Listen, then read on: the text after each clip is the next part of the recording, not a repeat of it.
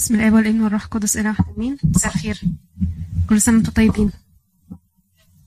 في حد يعرف آه، إيه سنة اليوبيل أو اتقالت فين بالظبط في الكتاب المقدس؟ معناها.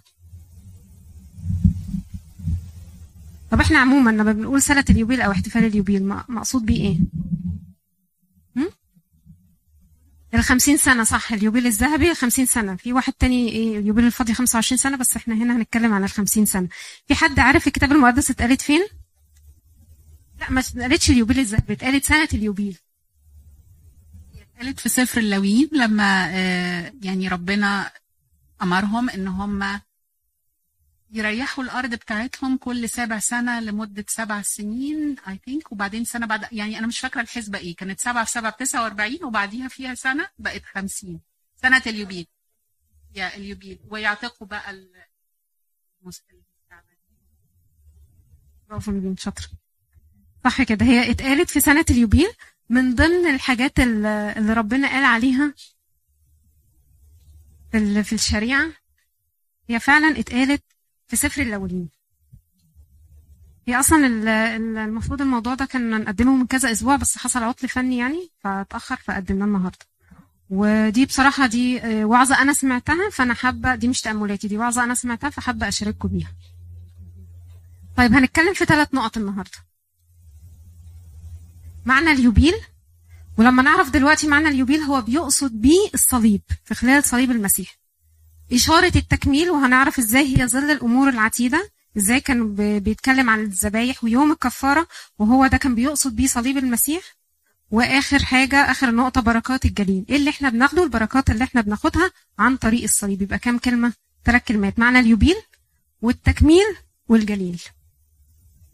إيه هو اليوبيل؟ اليوبيل هو أصلا المعنى الحرفي ليه هو القرن بتاع الكبش. كانوا بياخدوا الكبش اللي هم كانوا بيمسكوه القرن بتاعه وكانوا بيطلوه بالفضه علشان بتبقى زي آلة كده بي بيقولوا فيها بتسمعوا طبعا إيه بصوت عالي. ما كانش فيه طبعا زمان الميكروفونات ولا الحاجات دي فكانوا بيستخدموها الآلة زي ما عمو وديع كان بيقول لنا في في يوم الجمعة. اليوبيل كان الناس بيستخدموه زمان لما كانوا مثلا عايزين يقولوا تنبيه ده في عدو جاي آه، في مثلا في عيد معين في الناموس. فده كان بيتكلم عن آه، زي بيدوا انذار معين أو إشارة إشارة معينة. لكن هو أصلا اليوم يعني المعنى الروحي لسنة ال- المعنى كلمة اليوبيل هي كلمة ربنا. هي كلمة ربنا ال- اللي الرب يسوع اداها لنا من خلال الإنجيل عشان هي اللي تورينا بالظبط اللي فيه إيه في نصرة جاية. في حاسب في تحذير. فدي كلمة ربنا هي دي اللي بتنور لنا طريقنا.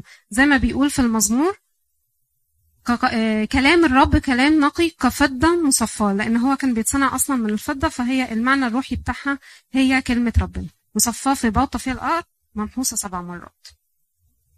إمتى بتيجي سنة اليوبيل؟ وزي ما نيفين قالت لنا في لاويين 25 تعالوا نقرأ كده. وتعد لك سبع سبوت سبع سنين. سبع مرات يعني سبعة في سبعة. فتكون لك أيام السبع سبوت السنوية 49 سنة. ثم تعبر البوق الهتاف في الشهر السابع في عاشر الشهر في يوم الكفارة. يعني ربنا كان قايل لهم أنت عندك سبع سنين هتزرع الأرض ست سنين والسنة السبع هتريحها. ست سنين والسنة الس- السبع هتريحها. وبعد كده هتضرب سبعة في سبعة. إحنا عارفين رقم سبعة دايما في الكتاب المقدس إيه؟ رقم الكمال. فهو عايز يقول له كمال الكمال سبعة في سبعة. فهيدي لك كام؟ في 49 بعد كده اليوم ال 49 ده زي ما بيقول هيجي فيه يوم الكفارة. حد يعرف آه، يسمع عن يوم الكفارة؟ اللي هو كان رئيس الكهنة كان بيدخل فيه بس ويقعد يصلي وبيقدم الذبايح عشان يطلب الغفران لنفسه ولكل الشعب. فهو يوم الكفارة بيجي في سنة 49 اللي هي في سبعة في سبعة. فهو كمال الكمال. وبعدها تعبرون البوق في جميع أرضكم وتقدسون السنة الخمسين وتنادون بالعتق في الأرض لجميع سكانها تكون لكم يوبيل. يعني سنة اليوبيل. هي سنة الخمسين اللي بتيجي إمتى؟ بعد يوم الكفارة اللي هي كام؟ سبعة في سبعة. يبقى كمال الكمال. وبعد كده ربنا حطه اللي هو يوم الكفارة هو يوم العظيم على الصليب. وبعد كده بتيجي فيه سنة اليوبيل. تمام كده؟ طيب. دي أول كلمة إحنا عرفنا دلوقتي إيه معنى اليوبيل إيه وبتيجي إمتى. طيب إيه هي بقى إشارة التكميل؟ في سفر اللويين إصحاح 16 بيقول لنا بالظبط كان إيه يوم الكفارة. إحنا عرفنا يوم الكفارة ده هيجي إمتى؟ في السنة 49 طيب أتاري يوم الكفارة ده فعلا هو صليب المسيح. فهو ظل الأمور العتيدة اللي هي إيه اللي حصلت في العهد القديم واتحققت بمجيء وصلب السيد المسيح. سفر اللاويين كده تعالوا نشوف آه، إصحاح 16 كان بيقول عليه إيه. اللي هو يوم الكفارة. هو اليوم الوحيد اللي بيدخل فيه رئيس الكهنة لقدس الأقداس. ما كانش ممنوع ما كانش مسموح لأي شخص تاني يدخل فيه قدس الأقداس غير رئيس الكهنة بس عشان هو اللي يقدم على ال- ال- الذبايح.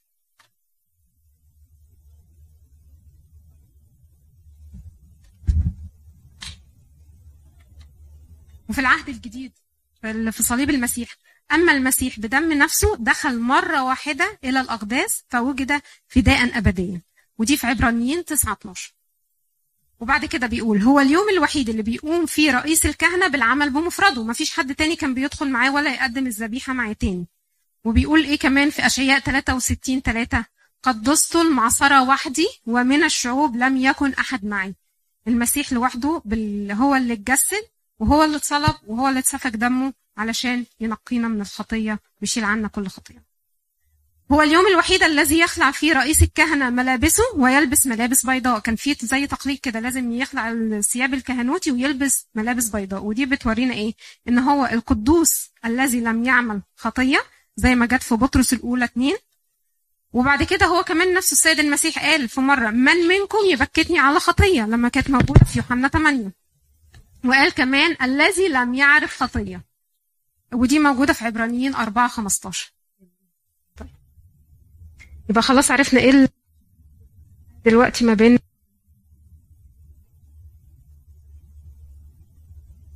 يوم الكفارة وصليب المسيح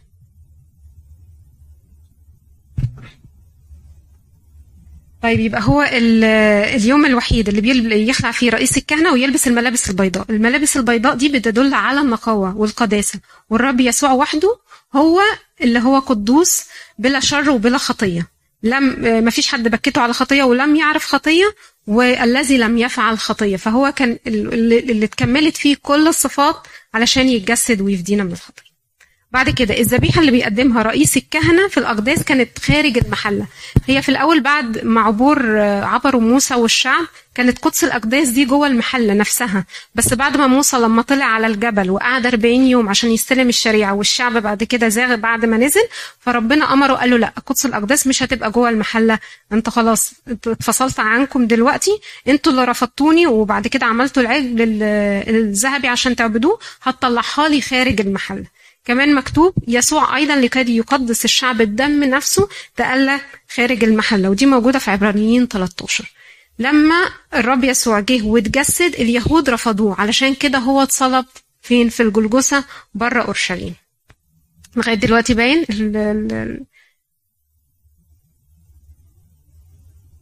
وبعد كده تكملة في لويين 16 بيقول فيه يخلع الكاهن ثيابه الفاخرة.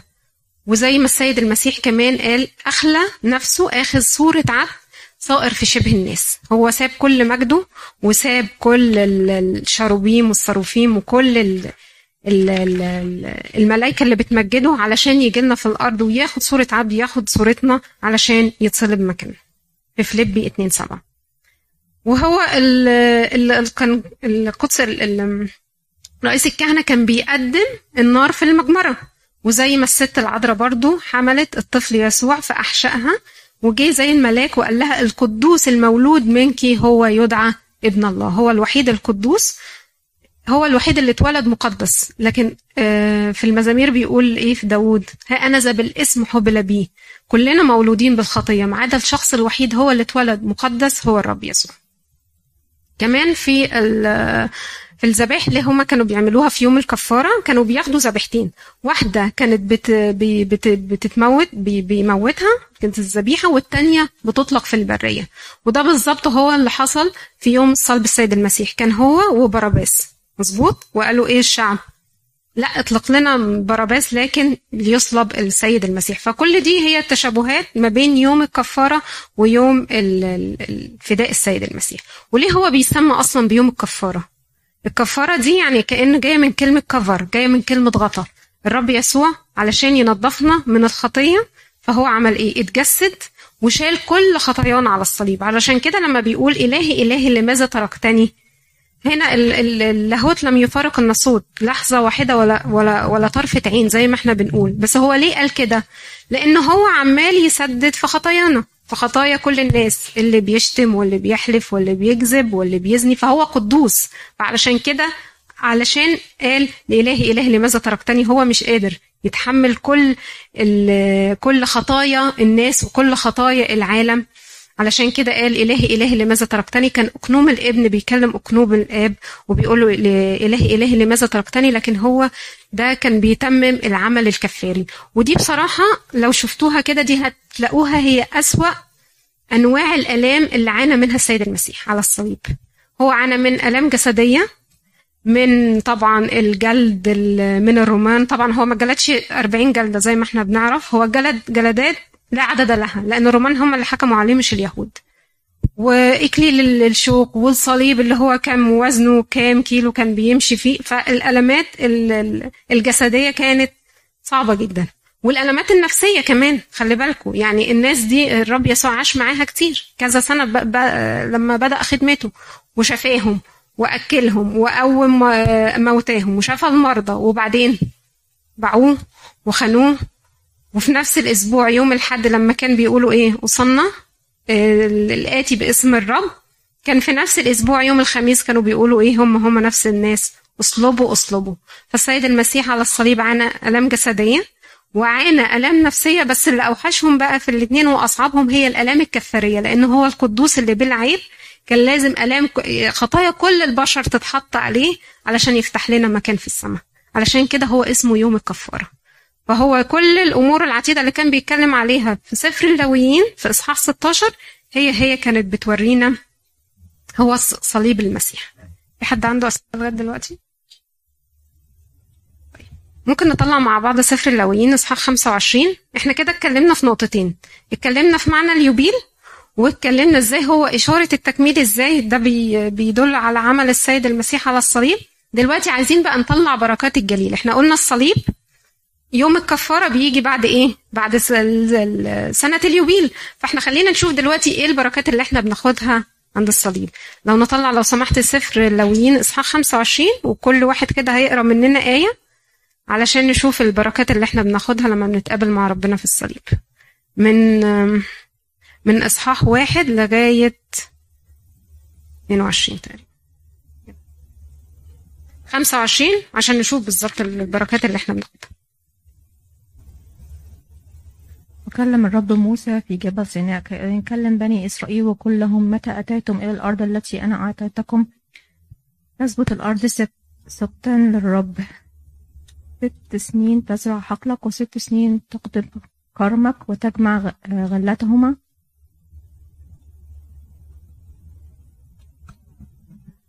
أما السنة السابعة ففيها يكون للأرض سبت عطلة سبتا للرب.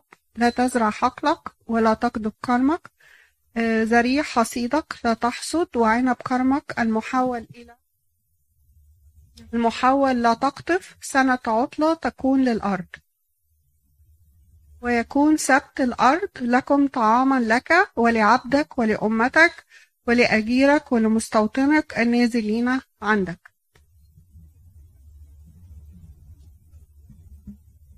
ولبهائمك وللحيوانات الذي في أرضك تكون كل غلتها طعاما.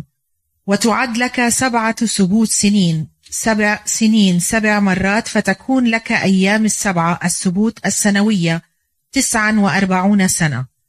ثم تعبر بوق الهتا- الهتاف في الشهر السابع من عاشر الشهر في يوم الكفارة تعبرون البوق في جميع أرضكم.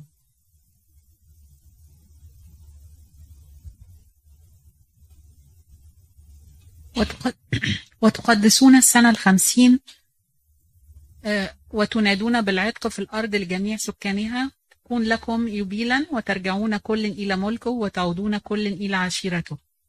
يبقى يبيلا بركة. تكون لكم السنة الخمسون. لا تزرعوا ولا تحصدوا زريعها ولا تقطفوا كرمها المحول.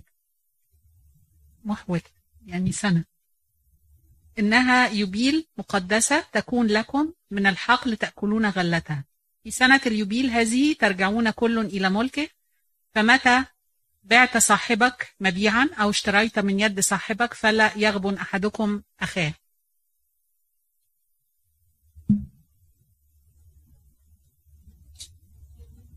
حسب عدد السنين بعد اليوبيل تشتري من صاحبك وحسب س- آه، الغلة يبيعك. على قدر آه، كثرة السنين تكسر ثمنه وعلى قدر قلة السنين تقلل ثمنه لأنه عدد الغلات يبيعك. فلا يغبن أحدكم صاحبه بل أحسن بل اخش إلهك. أني أنا الرب إلهكم. فتعملون فرائدي وتحفظون أحكامي وتعملون لت... لتسلكوا على الأرض آمنين.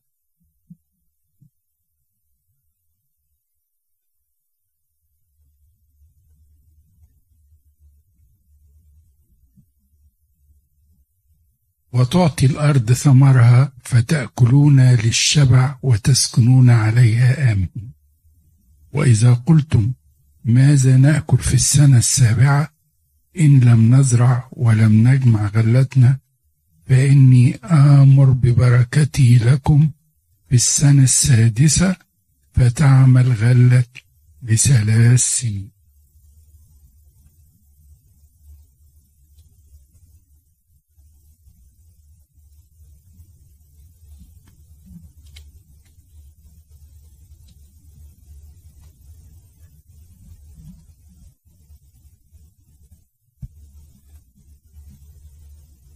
فتزرعون السنة الثامنة وتأكلون من الغلة العتيقة إلى السنة التاسعة.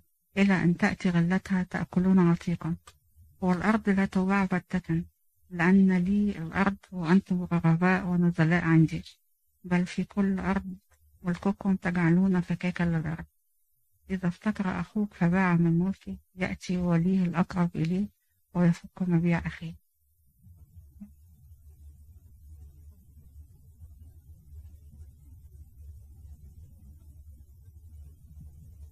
يبقى شفنا دلوقتي إيه البركات في آه، إصحاح عشرة. آه، أي عشرة بيقول إيه؟ هي سنة عتق. وبعد كده 11 بتقول بيقول فيها إيه؟ سنة راحة لا تزرعوا ولا تحصدوا. وبعد كده بيقول إيه؟ سنة قداسة لأنها هي مقدسة. وسنة بركة قال لهم سيبوا لي سنة وأنا هعوضكم عنها بتلاتة. وبعد كده آخر حاجة هي سنة استرداد الأوطان. أي حد باق يوبيل هت... هترجع له الأرض. تعالوا بقى نشوف نشوفها كده بالتفصيل أول واحدة. أول واحدة في 25 عشرة لوين 25 عشرة؟ تقدسون السنة الخمسين وتنادون بالعتق في الأرض لجميع سكانها. تكون لكم يوبيلا وترجعون كل إلى ملكه وتعودون كل إلى عشيرته. إحنا اتفقنا سنة اليوبيل دي اللي هي إيه بنشوفها بعد يوم الكفارة يعني من خلال الصليب. فهو بيقول في سنة اليوبيل دي اللي كل العبد اللي عنده عبد هيحرره. كل واحد عنده عبد هيعتق. وإحنا كمان إحنا مش كنا عبيد عن عند إبليس مستعبدين للخطية في الصليب وبصليب رب يسوع المسيح عمل لنا إيه؟ حررنا وعتقنا. زي ما بيقول كده في يوحنا 8 36 فإن حرركم الابن فبالحقيقة تكونون أحرارا. إحنا كنا عبيد والرب يسوع جه وحررنا بس في ناس بقى يعني أحيانا معينة بيكون عندهم الحرية دي بتكون سترة للشر زي ما بيقول في بطرس الأولى كأحرار وليس وليس كالذين الحرية عندهم سترة للشر. أحيانا كتير وإحنا هنا بنقول إيه إحنا في إيه؟ في بلد متحررة. يعني إيه يعني؟ موضوع boyfriend و girlfriend ما ما, ما يجراش حاجة يعني إحنا في, في أمريكا هنا يعني في بلد متحررة. يعني لما الواحد يشرب كده من وقت للتاني يعني تفاريح يعني كده يعني في في العيد ممكن في أفراح ممكن أتاري إحنا بن إيه بنزود الطينه بله كأحرار كأحرار يعني نسيب كل الخطية. إحنا هنا ولما الخطية بت- بتربطنا هي دي اللي إحنا بنكون مستعبدين منها. لكن في دم المسيح في اسم يسوع هو ده اللي بيحررنا. وما يكونش الإبليس أي آه، قيود على حياتنا. أحيانا كتيرة بيقول طيب خلاص إحنا مثلا وصلت لأي خطية أو لأر- لأي شر لدرجة الإدمان مثلا. زي مثلا الناس المستعبدين مثلا أو مدمنين للسجاير يقول لك أنا ما أقدرش أبطل سجاير ده نيكوتين وأنا متشبع بيه طب أنا أعمل إيه؟ هو ربنا بيقول تعالوا إلي وأنا إيه؟ وأنا هريحكم وأنا اللي هعتقكم. أنت مش بنفسك. أي نعم آه ربنا خالق حاجات وهو اللي خالق الطب وهو اللي خالق الأدوية ومش غلط لأن في ساعات بنلجأ كتيرة لل- للأدوية بتتحرر من حاجات منها. ده مش غلط. ده هو اللي خالق. بس أحيانا كتيره إحنا مش بنبقى عايزين. ساعات كتيرة بيقول لا أنا مش قادر. بس ربنا بيقول إيه؟ لا يقدر أحد أن إيه؟ يفعل بدوني شيء. ساعات كتير بيقول مش عارفين الطريق. بس هو قال لنا إيه؟ أنا هو الطريق والحق والحياة. لكن إحنا بصراحة بقى إذا مش في الطريق ولا المشكلة إن إحنا مش قادرين إحنا مش عايزين.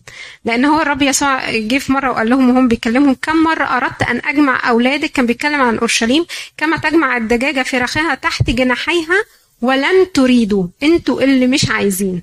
فهي الفكرة كلها إحنا مش مش قادرين لأن إحنا من غيره مش هنقدر نعمل أي حاجة ولا إحنا مش عارفين ولا تايهين إحنا مش عايزين. أهم حاجة إحنا اللي نبقى عارف عايزين إن إحنا نتحرر من الخطية دي وهنروح لربنا وهو قادر عليها. مفيش أي خطية مفيش أي خطية تستعصى على ربنا ولا دم المسيح تكبر عليه ابدا أي خطية. فأول بركة من سنة اليوبيل اللي هي بتيجي عند صليب المسيح هي سنة العتق. تاني بركه بيقول إيه؟ الآية اللي بعدها. لكم السنة الخمسون لا تزرعوا ولا تحصدوا زريعها ولا تقطفوا كرم إيه؟ المحول. يعني هي إيه؟ سنة راحة. أنا هديك السنة السبعة دي تزرع زي ما أنت عايز بس السنة السبعة سنة راحة. وإحنا هنعرف بعد شوية هم إيه؟ هم ما ريحوش. هم استخسروا اللي هي السنة دي وقعدوا إيه؟ قعدوا يزرعوها. وهنا كمان ربنا بيقول لنا إيه؟ في متى 11 تعالوا إلي يا جميع المتعبين والثقيل الأحمال. كل اللي عنده حمل كل اللي عنده خطية هي اللي بتتعب وهي دي اللي بتعمل علينا حمل وهي دي اللي بتعمل علينا لود. زي ما ربنا قال في مرة إيه؟ أتعبتموني بخطاياكم. الخطية هي اللي بتتعب. لكن لما نيجي لربنا ونديله كل الخطية هو اللي هيشيلها عنا احملوا نيري عليكم. وتعلموا مني لأني وديع ومتواضع القلب فتجدوا راحة لنفوسكم. النير اللي هو كانوا بيربطوا بيه زي إيه؟ الحيوانين جنب بعض علشان إيه؟ علشان تعمل لهم تحصل لهم الأرض. ما كانش فيه طبعا حاجات اللي هي إيه؟ الأجهزة الحديثة دلوقتي اللي هي بيحصدوا منها الأرض فكانوا بيعملوا النير. فكأن مش هو الحيوان هو اللي بيعمل النير ده هو اللي رابط الحيوانين ببعض. علشان تأدي مهمتها. وكأن ربنا هو اللي بيقول الوصية دي مش هي النير. لا ده النير ده الخفيف هو اللي هيخليك تيجي وهتعمل الوصية دي. زي مثلا يوسف النير بتاعه إيه؟ كان خفيف ولا تقيل؟ النير الوصية هي اللي خلاه إيه؟ يرفض الخطية من آه، امرأة فوتيفار ويقول لها كيف أصنع هذا الشر العظيم وأخطئ إلى الرب. كمان موسى لما بيقول إيه؟ رفض لما كبر اللي هو يدعى ابن ابنة فرعون وحاسبا عار المسيح غنى أعظم من إيه؟ من خزاين مصر. علشان كده يوسف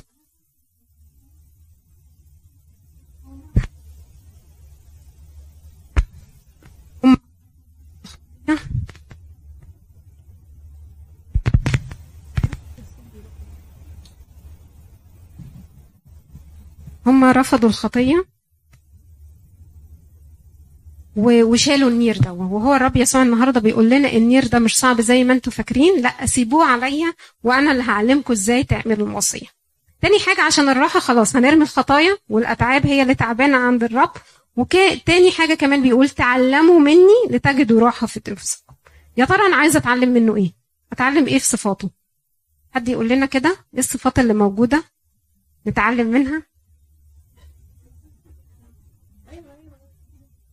يلا تعالوا نقول كده مع بعض كده نشوف. كل واحد يقول صفة إيه رأيك؟ بالظبط. كل واحد يسوع يقول لنا صفة كده في, في في موقف معين قاله الرب يسوع أو عمله الرب يسوع نتعلم منه عشان نرتاح نفسنا ترتاح. المحبة. تمام. إيه كمان؟ التواضع. في إيه؟ كل واحد يقول هيقول لي كلمة هيقول الموقف عليها. كده هتصعبيها مش هصعب أنا عايزة أصحصح الناس شوية. كل مواقف سيدنا المسيح ده تواضع. كل موقف في السيد المسيح ليه تواضع. غسل أرجل التلاميذ. غسل أرجل التلاميذ. واحد. التسامح. زي. طيب أنا هعرف أنفذ كل الوصايا دي لوحدي ولا لازم أطلب معونة ربنا؟ نطلب معونته. إيه كمان؟ وديع. وديع في إيه؟ جت في إيه؟ قولي لي صفة قولي لي موقف. طيب. هو موقف محدد كفاية إن هو الوداع بتاعته لما اللي هم اليهود لما هجموا عليه وبدأوا كده وكان ما بيتكلمش وديع هادي ما. تعصبش ما تنرفزش ما ردش عليه. إحنا طيب. إحنا طيب حلو. طيب في حاجات كتيرة برضو إن هو لما حد بيطلب منه أي حاجة بيعملها له أو بيحس باللي حواليه. مم. جميل. إيه كمان؟ إيه رأيكم لما قالوا له إنك سامري وبك شيطان رد عليه وقال إيه؟ قال لهم أنا لست سامري. ما قال لهمش عشان إيه؟ مش مش عايز يجرح مشاعر السامريين.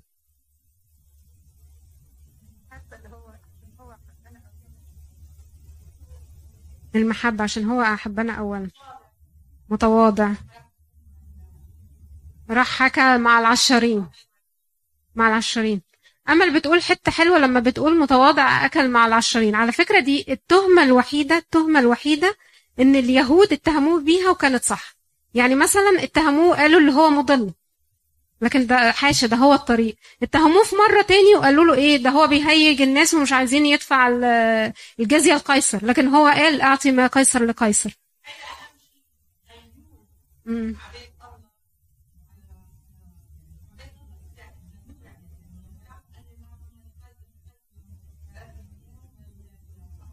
بالظبط كده. يعني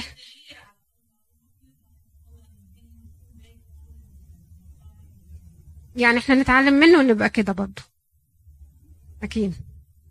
صانع سلام. صانع سلام. وإحنا المفروض نبقى إيه؟ صناع سلام برضه. يعني لو لقينا أي موقف كده أي موقف كده نحاول إيه؟ نهديه مش نشعل الدنيا صح؟ أحيانا كتيرة بنحاول إيه؟ صعبة. ما إحنا بنقول النير أهو هنتعلم منه. قال احملوا نير عليكم. فالتهمة الوحيدة اللي هو فعلا قالوه عليه وهي صح هو محب العشرين والخطاة كل التهم اللي هو قالوه عليه دي كانت ملفهة وكذب في كذب. التهمة الوحيدة فعلا اللي بالنسبة لهم هي تهمة هو فعلا محب للعشرين والخطاة تمام. آه، الصلاة. علم الصلاة. نتعلم الصلاة. صح كده. في كل وقت هو كان بيصلي. قبل أي حاجة اختيار التلاميذ كان بيصلي. قبل ما العاصفة تيجي عليهم كان بيصلي. قبل الصليب كان بيصلي. ليه؟ عشان يعلمنا كمان إحنا في الصغيرة والكبيرة إيه نصلي زي.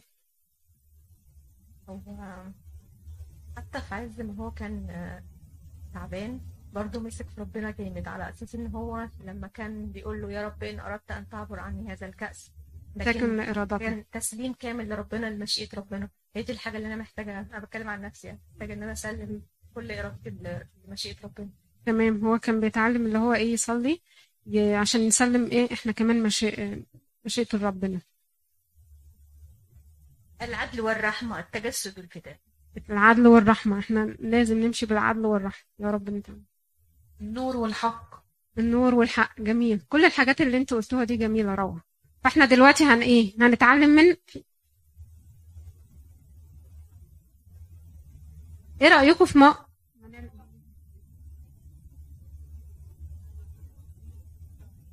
عند العازر موت العازر.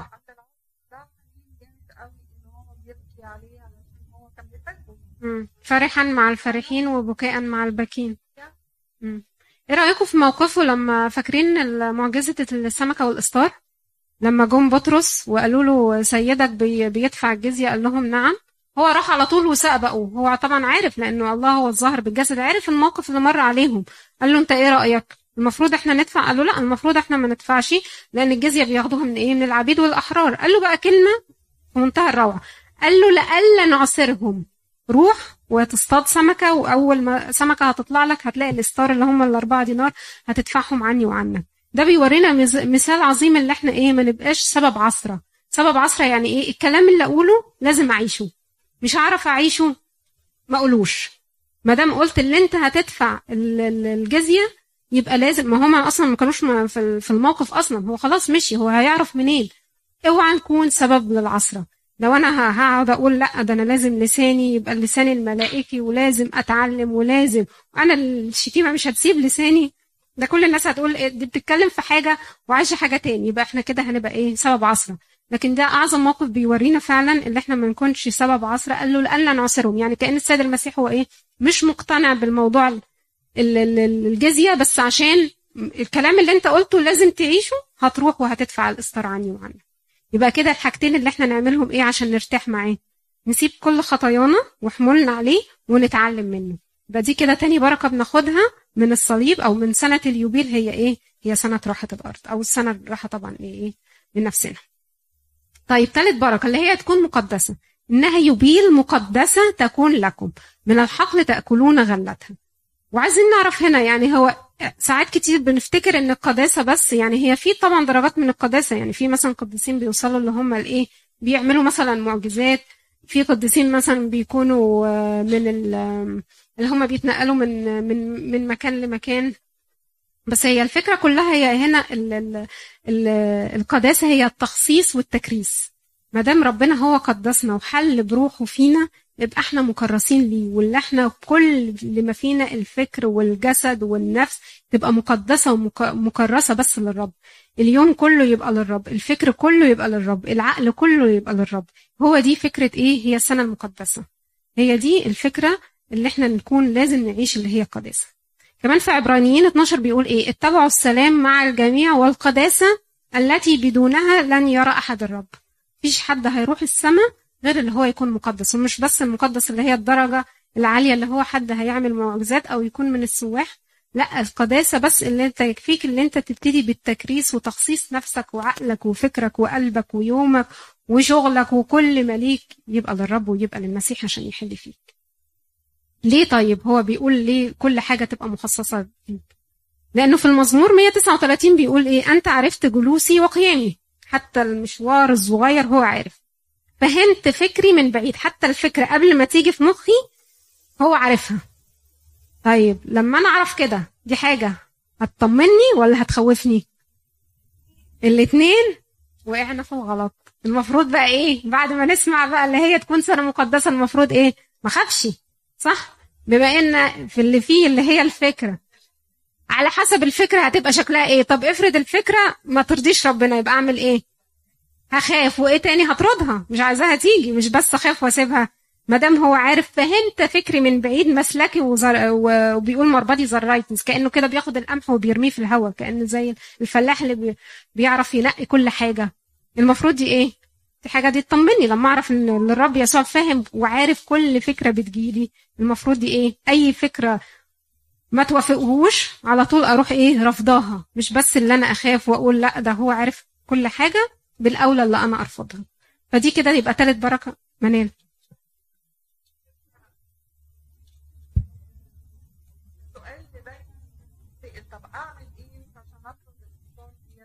عني زي مثلا إيه؟ فكر مثلا بغضة فكر عدم تسامح أعمل إيه؟ آه. أصلي. أدخل المخدع وعلى طول أصلي. ارحمني يا رب أنا أصلي في, في نفس المكان اللي أنا فيه. آه الحقني يا رب الحقني ال ال ال ال الأفكار الافكار الموضوع ده مهم جدا إن إحنا لازم نبقى عارفين لما تيجي أي حاجة نتصرف فيها إزاي في الوقت نفسه. بالظبط لأن هو أبونا دايما أبونا شنوده بيقول هو الفكر كلها والذهن هي معركة إيه؟ هي معركة إبليس بالظبط. لينا. لأن هو بيحاول إيه؟ يشتت الفكر والذهن لأن إيه؟ التوبة بتبدأ بالفكر صح كده؟ وبتبدأ بالعقل فعلى طول. لو ممكن كمان باسم الصليب باسم الصليب. بالظبط كده. الشيطان هيمشي على طول. أي آية أي صلوة صغيرة. مش مهم أكون فين. في ال- في البيت في المحل في ال- في المول في العربية في أي حتة. هت- هتلاقي عدو الخير على طول ب... على طول. ارحمني يا رب الحقني يا رب اعني يا رب. في أي فكرة. هي برضه في نقطة كمان يا مريم بتساعد على الموضوع ده يا منال كمان إن أنت تبقى أساسا حاطط في فكرك وفي ذهنك إن أنت لما هيجي أي فكر بغض النظر ده حلو إن أنت ربنا قدامك. هل الفكر ده هيوافق ولا هيوافق؟ صح فانت كده لو انت حاطط ربنا قدامك في كل مكان وفي كل وقت زي ما انت بتقولي يا مريم هتلاقي نفسك ان انت حتى لو جالك فكر شرير انت اوتوماتيك هتبتدي تطرده من فكرك وهتلاقي تطلب معونة ربنا. بالظبط كده. زي ما إيليا كان بيقول إيه على طول حي هو الرب الذي أنا واقف أمامه. ده هو كان عايش في محضر ربنا سواء في الكنيسة ولا بره في الكنيسة لحظة بلحظة ولحظة بلحظة.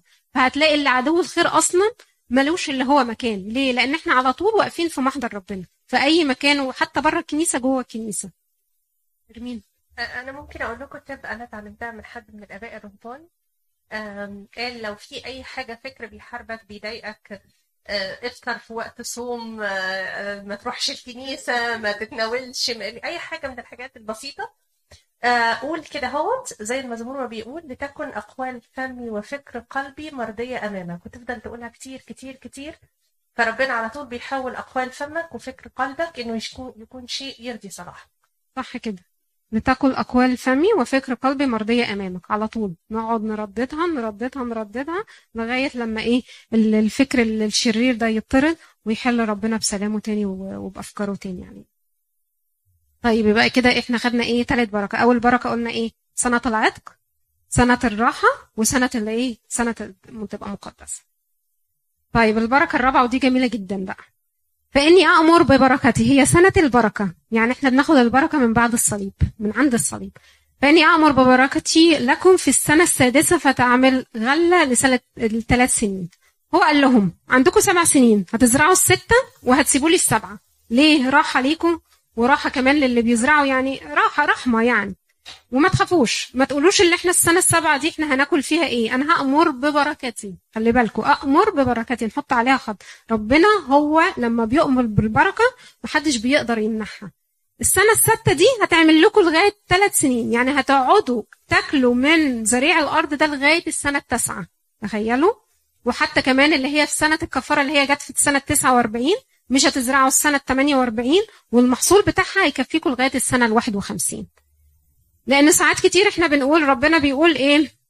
أقل حاجة مثلا نسيبها له عشور وقتنا. ساعة ساعة واحدة. إحنا ساعات بنكسل ونقول إيه؟ إحنا نقعد مع ربنا ساعة. يعني ده كتير قوي. أنا هصحى من النوم بدري ساعة. لا ده أنا عندي شغل بدري جدا. وأنا ناسي اللي ربنا ده هو اللي بعت الشغل على فكرة. وربنا هو اللي بعت الأوفر. وربنا هو اللي بعت اليوم الجديد ده عشان أنا أبدأ وأقوم يوم. وربنا هو اللي بعت النفس الجديد ده علشان أبدأ وأقوم وأشوف شغلي وأخدمه والكلام ده كله. ما هو ده فكرة. أروح بقى أقول إيه؟ يا رب ساعدني. ان أنا فعلا أدي لك اللي هي أقل حاجة كان آه، عم رمسيس قبل كده ادالنا موضوع العشور. هو قال أقل حاجة أقل حاجة دي عشور سواء أو وقتنا أو أموالنا. إحنا كل ما بنتدرج وكل ما روحانياتنا بنرتفع هنرفع معاه جدا والساعة هتبقى اتنين والساعة هتبقى تلاتة وعشور المال هتبقى أكتر والربع والنص الكلام ده كله.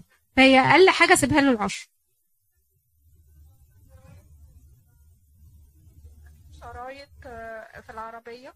ما دي ممكن تساعدك إنك تنمو روحيا وانتي أصلا بتعملي حاجة تاني فده يشجعك برضو إنك ما يهمكيش إنه هت- هتصفي ساعة مش عارف يعني واخدة بالك؟ في حاجات تانية ممكن تتعمل بطريقة كويسة تساعدك برضو على حلو. آه، منال بتقول برضو لو كنا مثلا في العربية أو نشغل وإحنا بنعمل حاجة أو الكلام ده كله نسمع وعظة نتملي ب- بربنا ودي حلوة. دي ممكن نحطها تحت إيه؟ سنة ال- ال- التقديس. ممكن أقول لهم شغلوا الراديو هو لي إف إم راديو. ماشي. آه، أرمين عايزة تعمل دعاية للراديو فإحنا ممكن نشغل الراديو عليه ترانيم وعليه اسالوني عن يسوع وعليه صح كده؟ وصباحكم أحلى مع يسوع والكلام ده كله.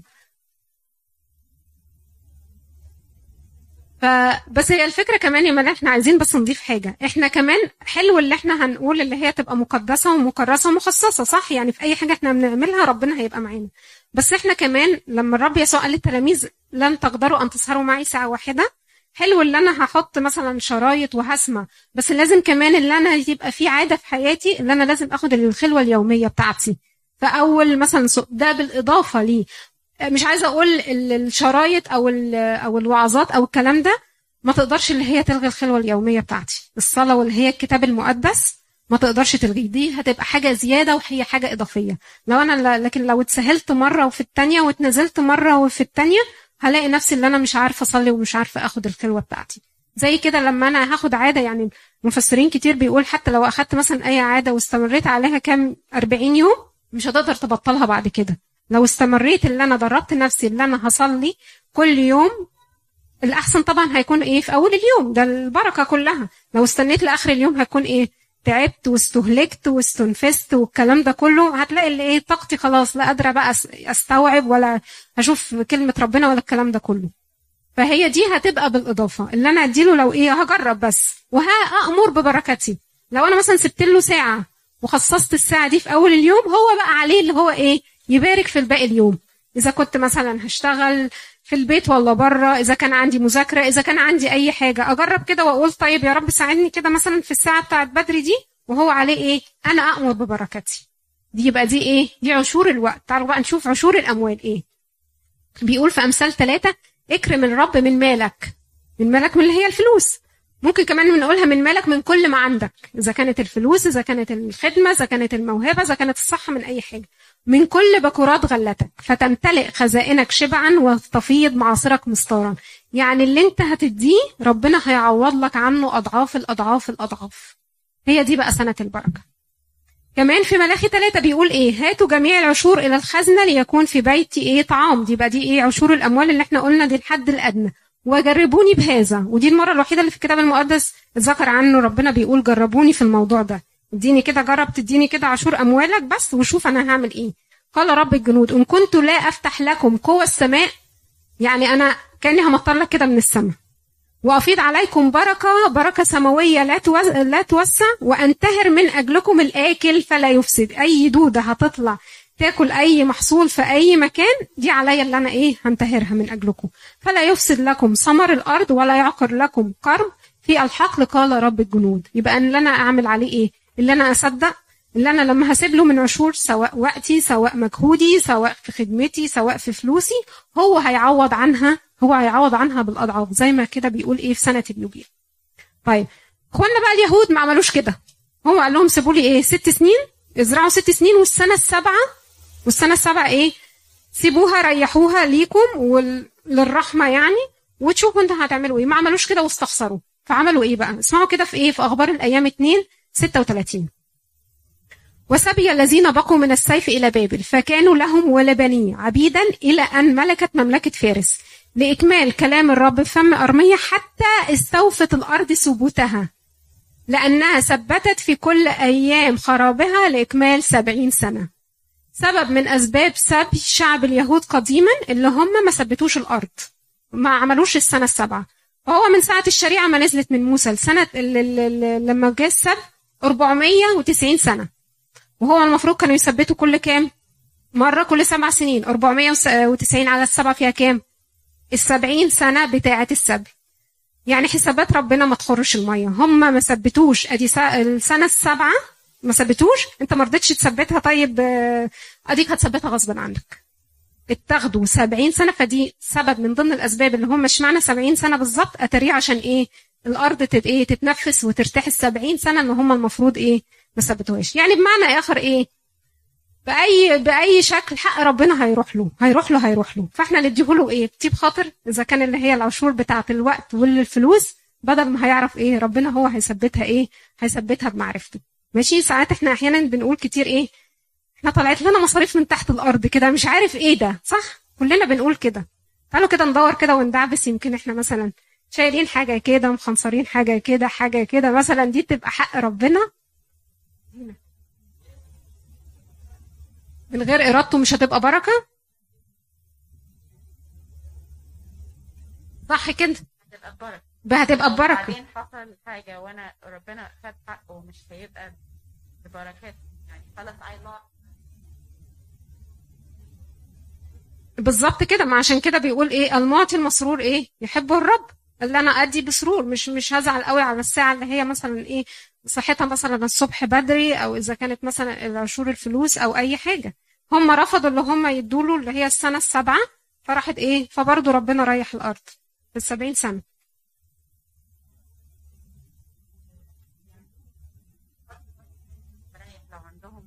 زراعه أو حاجة كده ما يقدروش يزرعوا كل سنة. صح مش عارفة لو ست سنين بس يعني لازم الأرض تستريح عشان الكروبس يبقى بالظبط يعني تطلع على جديدة كده وتطلع كده وتطلع كده اتعلموا اللسن يعني بتاعتهم بس بالعافية. بالظبط كده ما هو ده اللي إحنا بنقوله. يعني إحنا عارفين وهو ربنا هو اللي بيدي كل حاجة. فمش هنستخسر عليه الحاجة الصغيرة قوي إذا كانت في الفلوس وإذا كانت في الوقت ولا إذا كانت في المجهود علشان إيه؟ هو صاحب الكل هو اللي مدينا كل الحاجات دي. يبقى رابع سؤال فادي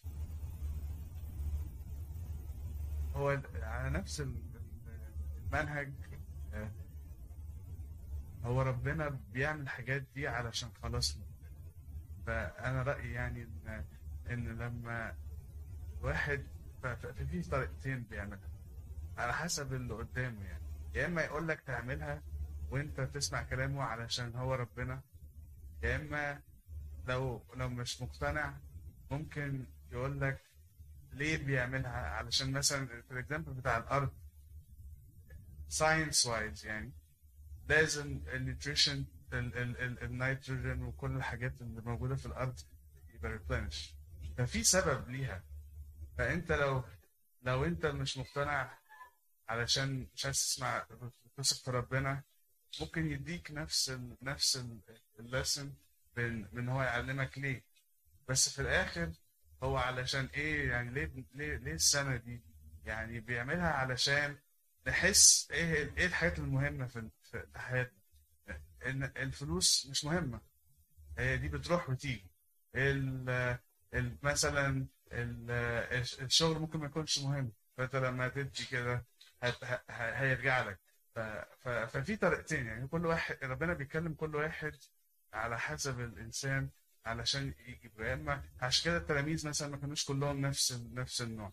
في اللي كانوا واثقين وبيعملوا وفي اللي كانوا شكاكين وفي اللي كانوا آه يعني آه عندهم اكسبيرينس ف ما بيسمعوش الكلام على طول. ف ف, ف ده اللي أنا شفته يعني من الدرس بتاع النهارده ان إن كل واحد هيوصل له ال message والمهم إن إحنا نفهم ال message دي ليه جاية لنا علشان خلصنا بالظبط كده. زي ما انت بتقول آه، ربنا هو بيدينا رسائل مختلفة ولكل شخص فينا بيتعامل معانا بتعاملات مختلفة بس عشان في الآخر يقول لنا إيه؟ اللي إحنا نثق فيه في- وفي كلامه. هو قال سيب لي السنة السابعة والسنة الستة دي هعوضك عليها ثلاثة فده إيه؟ عايز يكسر فيه حسابات العقل اللي أنا إيه؟ هشوف كذا في كذا هيساوي كذا هيكفي ولا مش هيكفي؟ علشان إيه؟ عشان يعمقنا في الإيمان وهعرف إن السنة اللي هسيبها له دي هو هيعوض عليها إيه؟ هيعوض عليها بثلاثة الساعة اللي في اليوم دي مش مش خسارة فيه ده هو هيعوض بعد كده فيها المجهود هو بطريقته بقى وهو بأسلوبه. فعشان هو يعلمنا اللي إحنا نتكل عليه واللي إحنا نزيد في الإيمان. أنا بس هقول هعلق بقصة صغيرة. أنا كنت امبارح قاعدة بحضر شوية حاجات للخدمة وكده فوقع في إيديا فيديو صغير. ولما هحكي لكم قصة الفيديو على سريع بس لما تفكر تحط نفسك مكان ربنا اللي بيديك كل حاجة وانت مش عايز تديله حاجة back حط نفسك مكانه وشوف هو يبقى شاعر بإيه. دايما بفكر في ربنا ده إن هو أب وإنه لما بيعمل إيه مع اولاده ولاده بيعملوا معاه إيه back يا ترى هو بيشعر بإيه.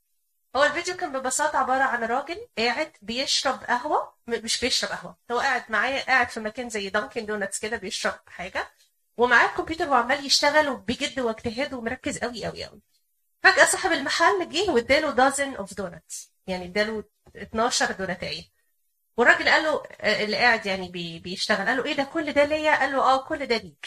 قال له بس أنا ما دفعتش حاجة. قال له مش مشكلة ده على حساب المحل يعني دي هدية ليك. فالراجل أخدهم بفرح وابتدى ياكل. والراجل صاحب المحل واقف يتفرج عليه ومبسوط جدا إن هو فرحان بالدونات وابتدى ياكل.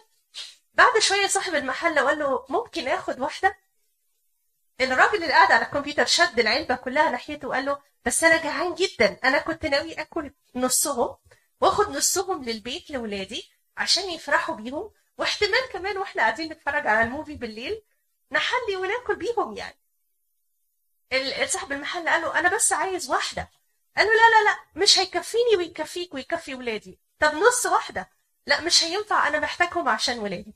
صاحب المحل مشي زعلان جدا لأنه اداله علبة بالكامل والراجل ما دفعش ثمنها وما طلبش أساسا العلبة.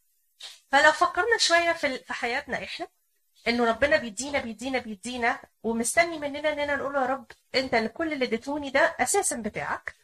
وقتي حياتي صحتي شغلي كل حاجة أساسا بتاعتك. حتة منها هي ليك لازم أخصصها ليك. شوفوا مشاعره تبقى هي عاملة إزاي لو إحنا بنمنع عنه ما هو له يعني. حلو يا أرمين بالظبط كده. يدي لك الدوزن بتاع يديلنا يديلنا الدوزن بتاعت ال- ال- ال- الدوناتس وإحنا مش عايزين نديله إيه؟ واحدة وهو ده اللي يعمل. ساعات بنكسر وبنستخسر يعني. خلاص يبقى دي سنة إيه؟ سنة البركة. نقول مع بعض تاني. سنة عتق سنة راحة سنة تقديس سنة سنة البركة والبناء.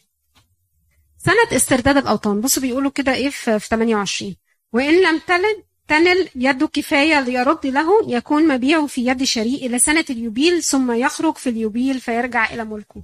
انت لو كان عندك حقل وبعته في السنة الخمسين دي هترجع لك تاني بأي شكل من الأشكال. لو عندك عبد لازم تحرره في سنة الخمسين. أي حاجة مش عندك في السنة الخمسين لازم ترجع إيه؟ ترجع لصاحبها. وهو هنا في بالظبط في الصليب اللي ربنا عمله معانا. عمل إيه؟ رجعنا. رجعنا ليه تاني؟ بعد ما إبليس عمل إيه؟ يخطف إيه؟ يخطف الحياة ويخطف الوقت وي- وي- زي ما كريستين كانت بتكلمنا المرة اللي فاتت عن لصوص العمر. هو عايز إيه؟ يسرق يسرق كل حاجة يسرق الوقت يسرق ال- الحياة يسرق الأمانة يسرق الشرف يسرق يسرق كل حاجة. في الصليب هيعمل إيه؟ بيسترد. رجعنا رجعنا تاني ليه ورجعنا لصورته تاني. زي ما بيقول إيه؟ في مزمور 23 يرد نفسي. في الصليب في سنة اليوبيل يرد نفسي يهديني إلى سبل البر من أجل اسمه. لأن السارق اللي هو إبليس لا يأتي إلا ليسرق. إبليس عايز يدخل حياتنا ياخد منها كل حاجة. نصحى فجأة نلاقي نفسنا في الخمسينات. فين الوقت ده؟ راح فين؟ اتسرق. اتسرق وإحنا مش حاسين.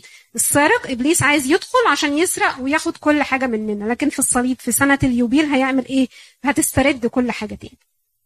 بعد كده بيقول له إيه؟ على قدر كثرة السنين تكسر ثمنه وعلى قدر قلة السنين تقلل ثمنه لأنه عدد الغلات يبيعك. دلوقتي إحنا اتفقنا إن سنة اليوبيل دي بتيجي في الخمسين.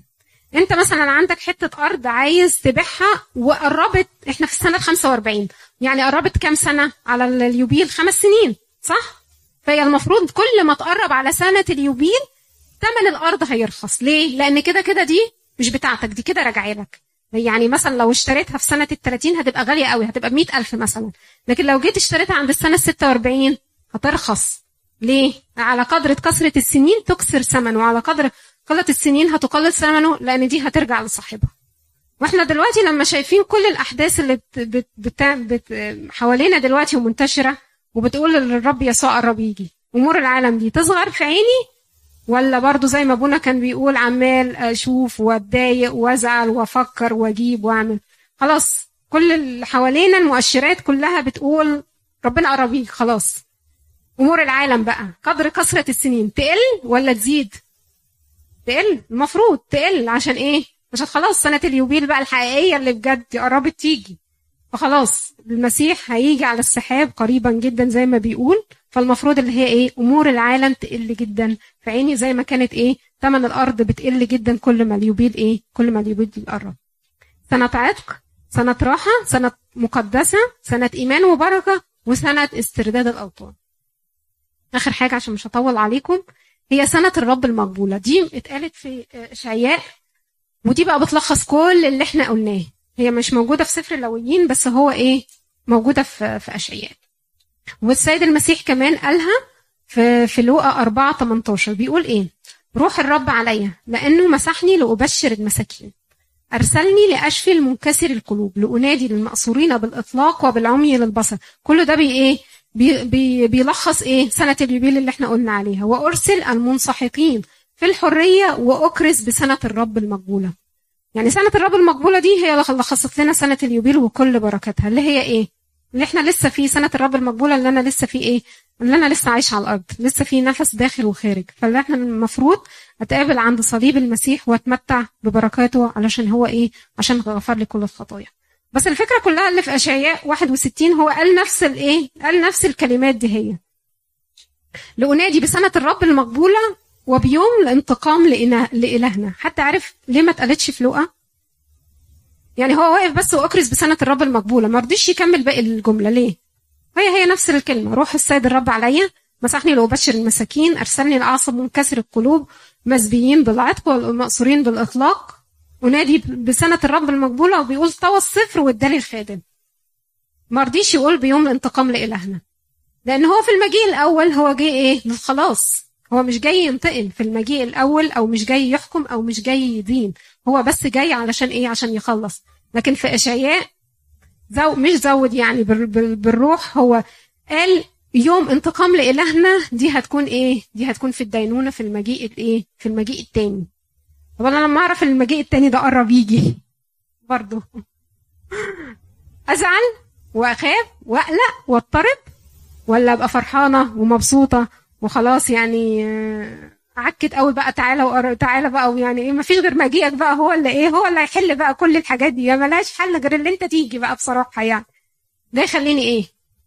أقلق وأضطرب. هو طبعا اليوم هيبقى هيبقى يوم هيبقى يوم جبار يعني. بس تخيلوا كده لما نستنى كل واحد هيستنى الرب يسوع كأنه إيه؟ هو الحبيب وهو المخلص وهو الأب والأخ. هيبقى عايزاه أقول له إيه؟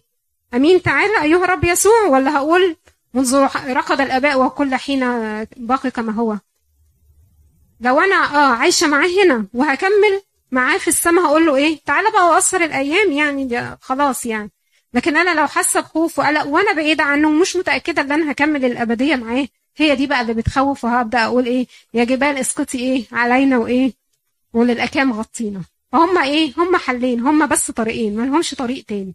يا هرفع رأسي للسماء وأقول له تعالى بقى يا إما هقول إيه يا جبال غطينا. يبقى كده إحنا خدنا إيه؟ ست بركات تاني من سنة اليوبيل عرفنا إيه هو سنة اليوبيل؟